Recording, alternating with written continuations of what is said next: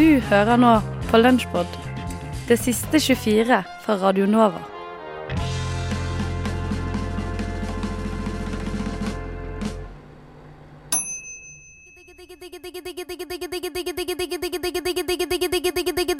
Frokost i øret.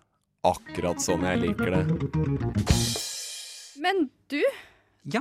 du fortalte jo nylig, eller du fortalte litt tidligere i sendingen at du har fått en ny uvane. Ja, du, det har du helt rett i. Um, det er jo ofte sånn med uvaner at det er noe som plutselig dukker opp, uh, og så blir man gjort oppmerksom på det, og så klarer man ikke å kvitte seg med det igjen etterpå. Oh, ja. For det er rett og slett en vane som er en uvane, ikke sant? Ikke sant. Uh, jeg har det med at uh, jeg på en måte tar til meg sånne ting man sier og uttrykk og utrop og sånne ting, som bare høres stygt og teit og dust ut. Um, lenge så gikk jeg rundt og sa 'stemmer det?' til enhver ting. Det har jeg heldigvis slutta med. Men nå har jeg oppdaget at istedenfor å si ting som um, 'supert', 'bra', 'topp', Herlig. 'herlig'? Kult. Eh, sånne ting som er helt vanlig å si i all mulig kommunikasjon. Det er ganske ofte man sier sånne ord i løpet Ja, av en jeg sier det hele tiden, jeg. Så det, er, det er nesten så jeg ikke kan si det på lufta, fordi det er ho, eh, og jeg, jeg, Det her er liksom sånn at det er ikke sånn jeg prøver å si det heller. Det bare kommer automatisk ut av kjeften på meg, og så blir jeg flau. Eh, og jeg har begynt å si kjolt. Det er ikke greit. Si det en til. Kjolt. Som liksom istedenfor kult, så har jeg lagt på en liten kul schwung, som er kult. Ja, det, det, det blir ikke altså det, er, det er lite som er mer krise enn det. Kult. Det var faktisk eh, kjæresten min som først gjorde meg oppmerksom på det. Jeg bare Anne, hva, hva sa du nå? Du, jeg er klar over at det der har du sagt ti ganger i dag. Og det høres helt jævlig ut. Bare, Hæ, hva prater du om? Jeg sa bare kult. Mm, OK, skjønner. Og når man først blir oppmerksom på noe sånt, så klarer man ikke å slutte med det heller. Kult. Ja, nei. Ja. Det var Det verste med dette, skal jeg si hva det er? Hva er det? Det er at eh, jeg jobber på et sted som heter Unginfo. Så jobben min, det er å prate med ungdom. Prate med kidsa. Ja. Og da blir det jo veldig fort sånn at man eh, på en måte, man, man skjønner at man ikke er helt på nett med kidsa. De har sitt eget språk, de er unge og kule, ikke sant? Og så er man litt eldre og klarer ikke helt å følge med på trenden. Og da virker det ekstra dulst når kidsa tror at jeg prøver å legge på sånne kule ord for å liksom snakke deres språk, og så kommer jeg med kult. Kult. Åh, ikke greit. Nei, jeg, eh, Hva har du tenkt å gjøre med dette store problemet her, da? nei, jeg har ikke noe annet valg enn å skamme meg, rett og slett. Nei, jeg må bare skamme meg, og så må jeg skjerpe meg. Og hvis det ikke går, så må jeg bare skjære av meg tunga eller et eller annet. For det sykemelder meg i ti uker, kanskje. Bare komme meg ut. Det funker ikke. Kult. Ja. Skumma kultur! Din kulturelle tåkelur. Å, en sånn stor fiolin, eller en sånn liten bass som du sitter med, sant? Ja, den setninga har vi cellister fått høre litt for mange ganger. Nå er det virkelig på tide at denne nydelige celloen blir satt litt mer fram i lyset. For altså, finnes det et instrument med en bredere bruksevne og en vakrere lyd? Det er jo tross alt det instrumentet med toneleie som ligger nærmest menneskestemmen. Vi kan jo begynne med litt generelle generell fakta. Celloen er det instrumentet med det laveste registeret i fiolinfamilien, utenom kontrabassen. da. Den har fire strenger som er stemt i kvinter fra C til G, D og A som er lyseste streng.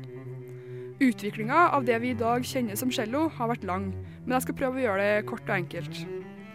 På 1600-tallet ble celloen videreutvikla fra en såkalt bass violin, som ble kalt en stor fiolin her i Norge.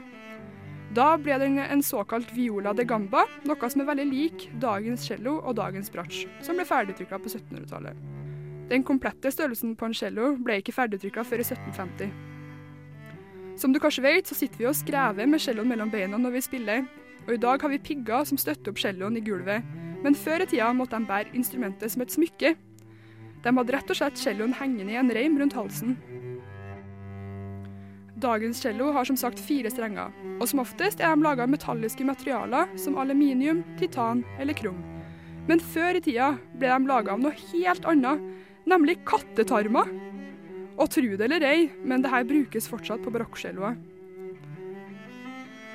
For å spille på en cello trenger du en bue.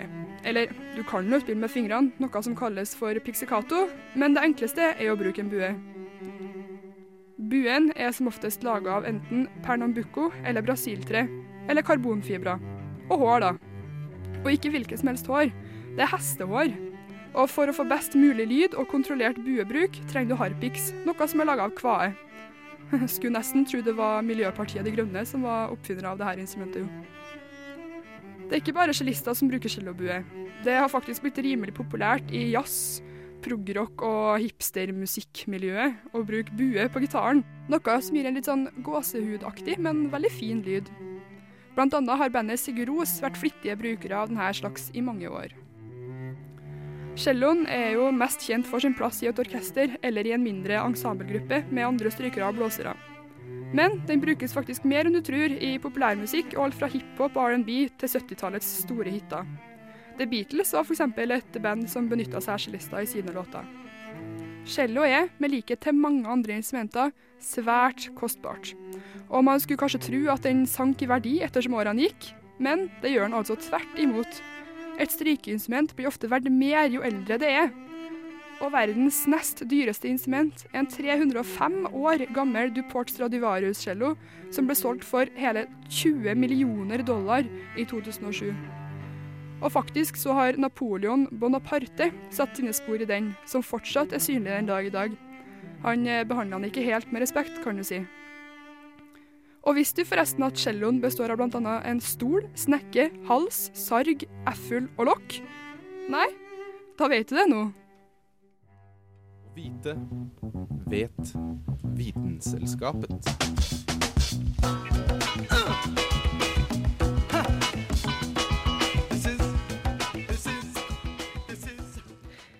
Da tenker jeg vi begynner med noe som flyr. Gjør vi ikke det, Agnes? Det stemmer. Vi starter faktisk rett på eh, lundefuglen, som eh, helt klart er en av mine favorittfugler, kanskje i hele verden.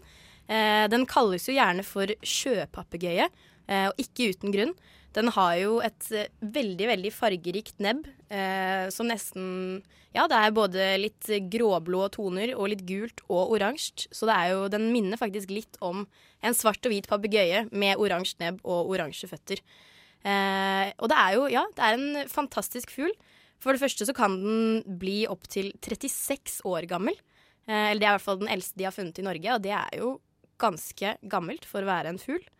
Og den kan fly 85 km i timen. Oi, det er jo ganske mye, da. Er det, det er fort. Det er helt sykt. Tenk dere hvor fort det er for en fugl som er kanskje en halv meter høy. Um, ja, så det var jo eh, Ja, det er veldig fascinerende. I tillegg så lever lundefuglen i kolonier, kjempestore kolonier, eh, langs eh, det nordlige Atlanterhavet, da. Så den foretrekker eh, ja, å, å leve i nord. Eh, den sørligste kolonien vi har i Norge, er i Rogaland, eh, mens den største ligger på Lofotenøya Røst hvor det finnes kjempestore fuglefjell med lundefugl som Altså, det kan være mange hundre tusen lundefugler som bor på disse fjellene. Så det er litt av, eh, litt av et syn. Eh, men den er der bare når den skal hekke, da. Eh, for ellers så lever den eh, ute på åpent hav, rett og slett. Flyter rundt på bølger og flyr rundt. Så det er en, egentlig ganske aktiv eh, fugl. Men når den kommer da til disse koloniene for å hekke om våren, eh, så går den inn i et fast parforhold. Så det er egentlig en ganske trofast fugl sånn sett. Eh, den får ett egg av gangen, eller altså hver hekkesesong, som den enten legger i fjellsprekker eller i steinurer, eller så graver den faktisk ganger under jorda eh, og legger egget der, da. Så det er jo også litt eh, originalt, kan man si. Eh, og så får den bitte små, kjempesøte, lodne, grå babyer som ikke kan svømme. Og det er jo litt eh, ja, lite praktisk, kan man si, når du bor på disse høye fuglefjellene. Ja, for jeg, Så- jeg har jo vært på sånt uh, fuglefjell på Runde. Ja. Eh, Lundefjellet på Runde. Ja. Eh, og da var det jo veldig bratt, og så gikk det jo rett ned i sjøen. Veldig. Så jeg tenker det kan jo være veldig lett for små fugler å falle uti der, da. Absolutt. Og de er så bitte små og lodne, og ja, de faller jo ned, for et godt ord. Eh, og da drukner de jo.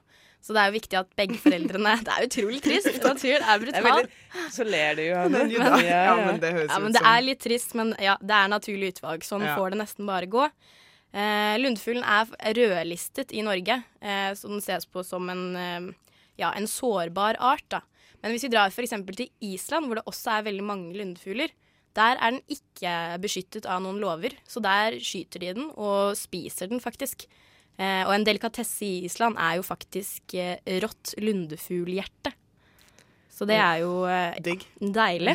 Det, ja, det må vi prøve neste gang vi drar til Island, tenker jeg. Det høres sånn ut. Men det er det mest spektakulære med en lundefugl, er jo nebbet. Men eh, tidligere i stad så sa du et annet spektakulært fakta om lundefugl. Åh, ja. Min favorittfakta om lundefugl, den kan faktisk dykke opp til 68 meter under vannet. Oi. Men. Skyter den fart, eller svømmer den ned? Jeg tror den, den må skyte fart. Ok. Det gjør den jo, Men den, har jo, den bruker jo vingene som loffer, og så har den svømmehud eh, på føttene, holdt jeg på å si.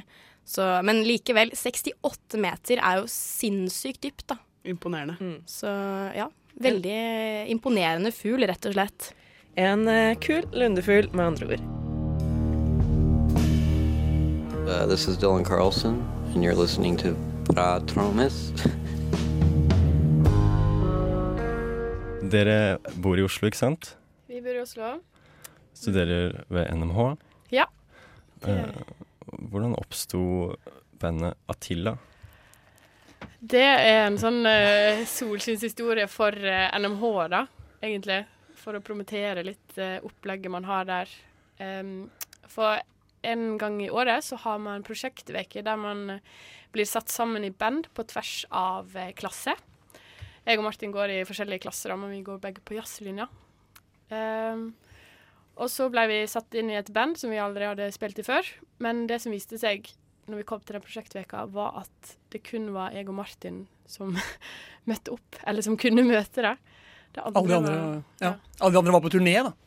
Det var fire andre som skulle være i det bandet. Vi starta med å være veldig skeptiske. da, sånn, Oi, kommer vi til å få til dette her? Spille en uke sammen? Skulle, skulle, vi skulle liksom ha en konsert på slutten av uka. Og så bare startet vi å spille, og så funka det. da. Så hadde vi noen låter plutselig. og så... Så har jeg bare tatt det derfra. Jeg har fortsatt å spille. Riktig. Hvor, hvor har dere tatt bandnavnet fra? Hvorfor Det, ja, det er jo veldig mange som tenker på Attila, da. krigeren? Ja, den forferdelige mannen som drepte masse mennesker. Men eh, det er ikke han vi har tatt navnet fra. Det er, jeg har, eh, vi har en Jeg kjenner en som heter Atle, som eh, sa at han var veldig fornøyd med navnet vårt fordi det var Atle kom fra Attila. Da. Så vi, Ja, okay. det er bare et navn. Det er, Ja, det, ja, det er et navn. Det høres veldig fint ut. da. Jeg synes Ja. det bare Ordlyden, og det ser veldig fint ut. og Det føltes veldig naturlig å bare gå for den. da. Det må jo være lov å si at det, det låter litt krigersk av dere, med det perket Ja. Kanskje den låta vi gjorde nå, var litt sånn, men, eh, men vi har jo altså, Da vi startet, så var det helt akustisk. Litt sånn som vi gjør nå. Vokal, trommer. Men eh, etter hvert så ble vi også mer med digitale. da. Altså Vi har jo noen låter hvor vi driver med mye sånn synter og sample digitale trommer og litt sånn. Det, det, vi skal få høre litt eh, av det senere. Skal vi Det, ikke? skal vi, det er planen i hvert fall. Hva, hva er det som inspirerer dere, musikalsk og utenom musikalsk? wow. Det tenker man ikke ofte over. på det Altså, vi, er, vi er omringet av inspirasjon hele tiden, da. Det må Ja. sies. Altså, vi går jo på altså, Musikkhøgskolen er liksom Du har en lærerstab og, eh, en, eh, og medstudenter som på en måte inspirerer hele veien, da. Mm. Og, eh, og man, ja, de kommer med forslag til musikk man kan høre på, ting man kan spille. Bare det, det, bare det derre jeg vet ikke, Det drivet man er omringet av, da, gjør at det er inspirerende, bare det. Ja, miljøet har veldig, veldig masse å si. Det Mm. er veldig bra miljø. Altså, um, hvor mye har dere spilt live? For jeg vet at dere skal ut på turné, er det riktig? Det er helt riktig. Ja. Ja, vi har spilt eh, Det er nå omtrent et år vi har spilt da, sammen. Så vi har spilt eh, blant annet på Progkunstfestivalen i eh, juni i år. Der hadde vi en konsert. Eh, så hadde vi en konsert for noen uker siden nå. På Eh, Musikkhøgskolen. Ja. Så har Eh, gjort en barnekonsert. Ja. Serendip-festivalen. Ja. Mm. Ganske morsomt. Da skrev, eh, eller Siri da, skrev om alle tekst tekstene til et manus vi hadde laget. Som handlet om eh, denne jenta som het Mina, som gikk gjennom en sånn skog. da, som var liksom...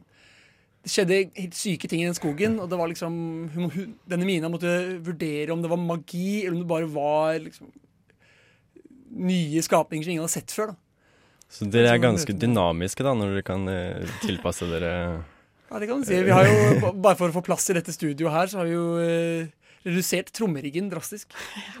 Så, Ja. så ja, ja, vi tilpasser oss, vi. Det, det, som, eh, det som kommer, tar vi.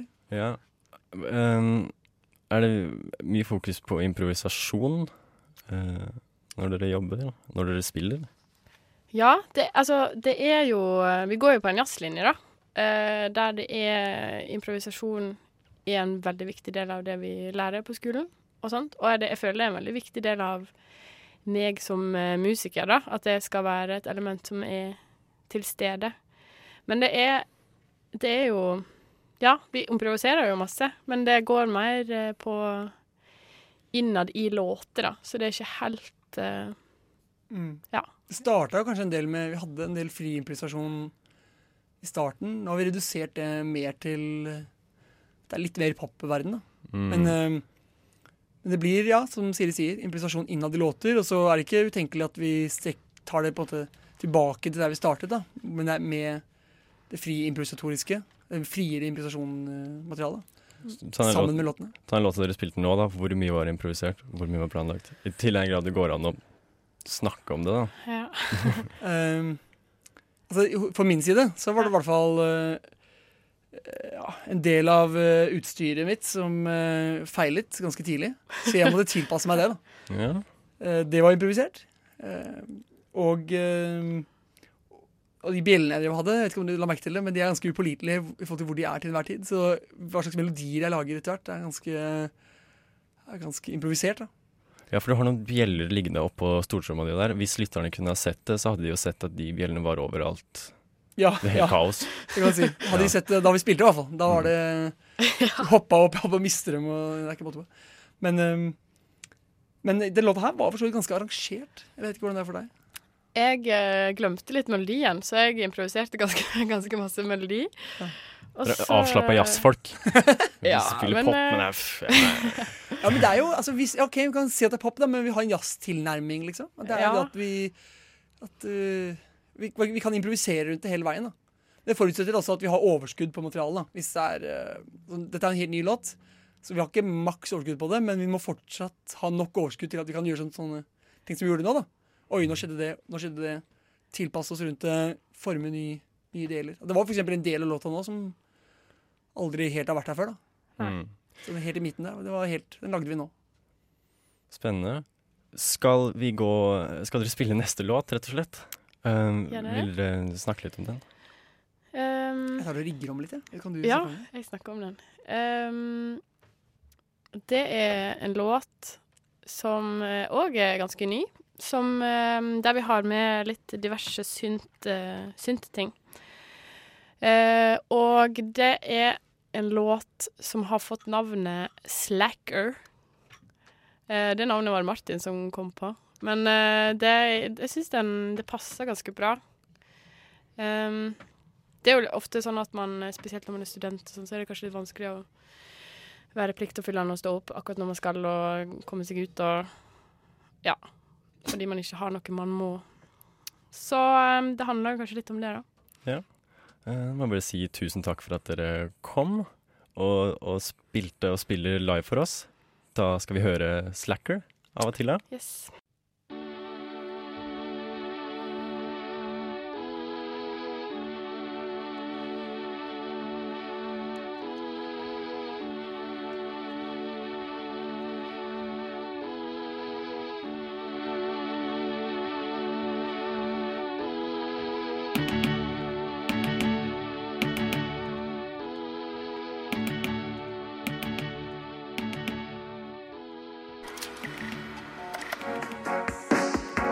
Nå er tiden her.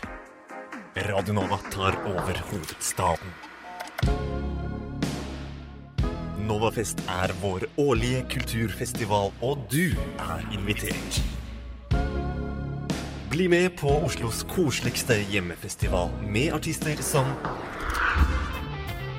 Rødtvet rockeband, I Was Before, Samu, Attila, Pasha, Kings Guru. Wow. Novafest arrangeres 7. til 9. april. For mer info besøk novafest.no.